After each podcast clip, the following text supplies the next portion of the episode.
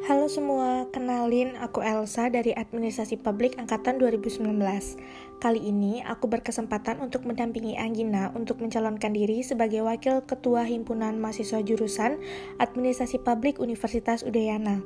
Gak kalah dari Anggina, tentunya aku juga punya beberapa pengalaman organisasi, di antaranya aku pernah menjabat sebagai anggota bidang 9 OSIS SMA Negeri 2 Denpasar, dan juga sekarang aku sedang menjabat sebagai staf 3 Departemen Pengabdian Masyarakat, BEM Fakultas Ilmu Sosial dan Ilmu Politik Universitas Udayana, dan staf 4 Komisi 7 Hima AP Universitas Udayana.